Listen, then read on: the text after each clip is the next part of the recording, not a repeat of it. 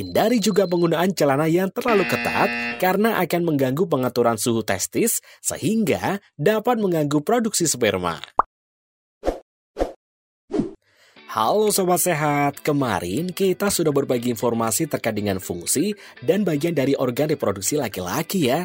Nah, sekarang kita coba tanya, gimana cara menjaga agar organ reproduksi kita tetap sehat? Ada yang tahu? Hehehe. Mudah loh sobat sehat. Pertama, jangan lupa untuk mandi dan bersihkan daerah kemaluan dua kali sehari.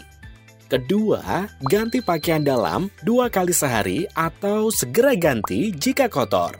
Jangan dipakai terus-menerus loh ya.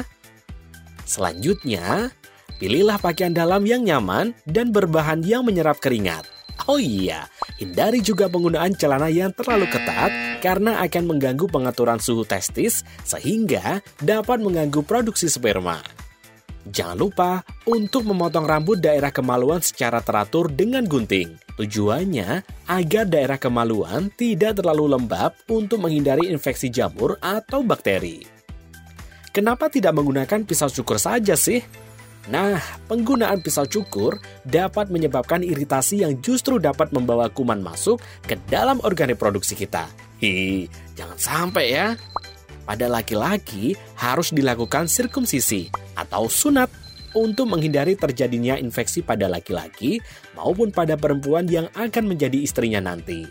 Yang jelas, hindari hubungan seksual sebelum menikah ya, untuk mencegah penyakit menular seksual. Sekarang, sudah tahu kan? Semakin kita memahami organ reproduksi kita, maka kita akan semakin menyayangi dengan merawatnya. Semakin kenal, semakin sayang. Jaga organ reproduksimu demi masa depanmu.